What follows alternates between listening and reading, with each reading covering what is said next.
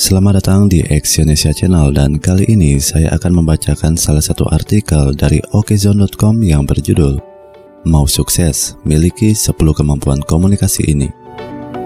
Kemampuan untuk berkomunikasi secara efektif dengan atasan, rekan-rekan, dan staf sangat penting.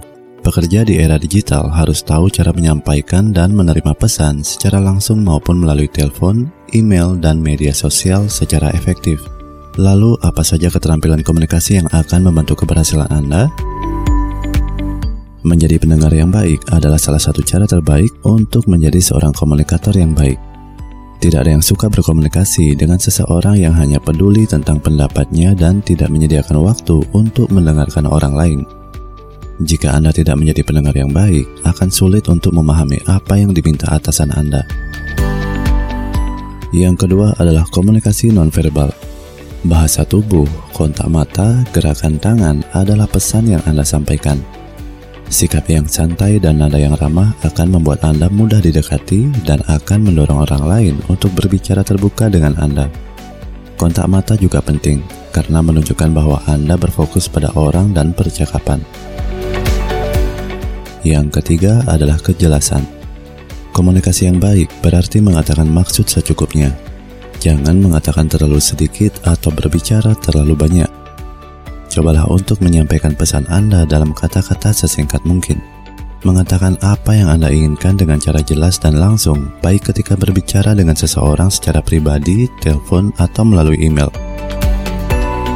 Yang keempat adalah ramah.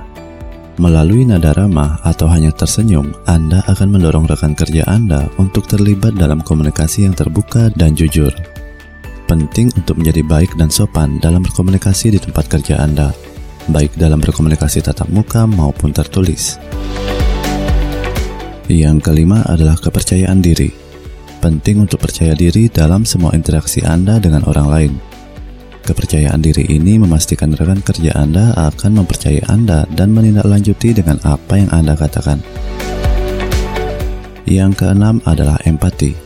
Bahkan ketika Anda tidak setuju dengan atasan, rekan kerja, atau karyawan, penting untuk memahami dan menghormati pandangan mereka. Menggunakan frasa sederhana seperti, saya mengerti maksud Anda, menunjukkan bahwa Anda telah mendengarkan orang lain dan menghormati pendapat mereka. Yang ketujuh, berpikiran terbuka.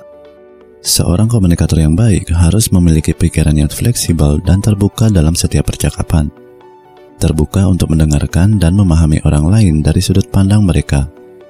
Daripada hanya berbeda pendapat, dengan berpikiran terbuka, Anda dapat memiliki percakapan lebih jujur dan produktif. Yang kedelapan adalah menghormati. Orang akan lebih terbuka untuk berkomunikasi dengan Anda jika Anda menyampaikan rasa hormat bagi mereka dan ide-ide mereka. Tindakan sederhana seperti menggunakan nama seseorang, membuat kontak mata, dan secara aktif mendengarkan ketika berbicara akan membuat orang merasa dihargai. Yang kesembilan adalah berikan umpan balik. Ketepatan dalam memberi dan menerima umpan balik adalah keterampilan komunikasi yang penting.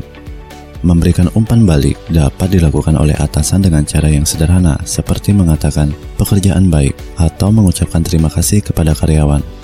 Hal sederhana ini dapat meningkatkan motivasi para karyawan, sehingga mereka merasa dihargai atas pekerjaan mereka dan bukan sekedar mendapat tugas sepanjang hari. Yang ke-10 adalah memilih komunikasi yang tepat. Keterampilan komunikasi yang tak kalah penting adalah mengetahui bentuk komunikasi yang tepat untuk digunakan.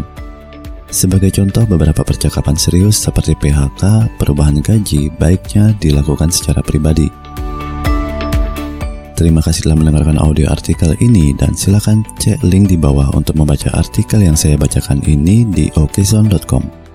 Salam sukses.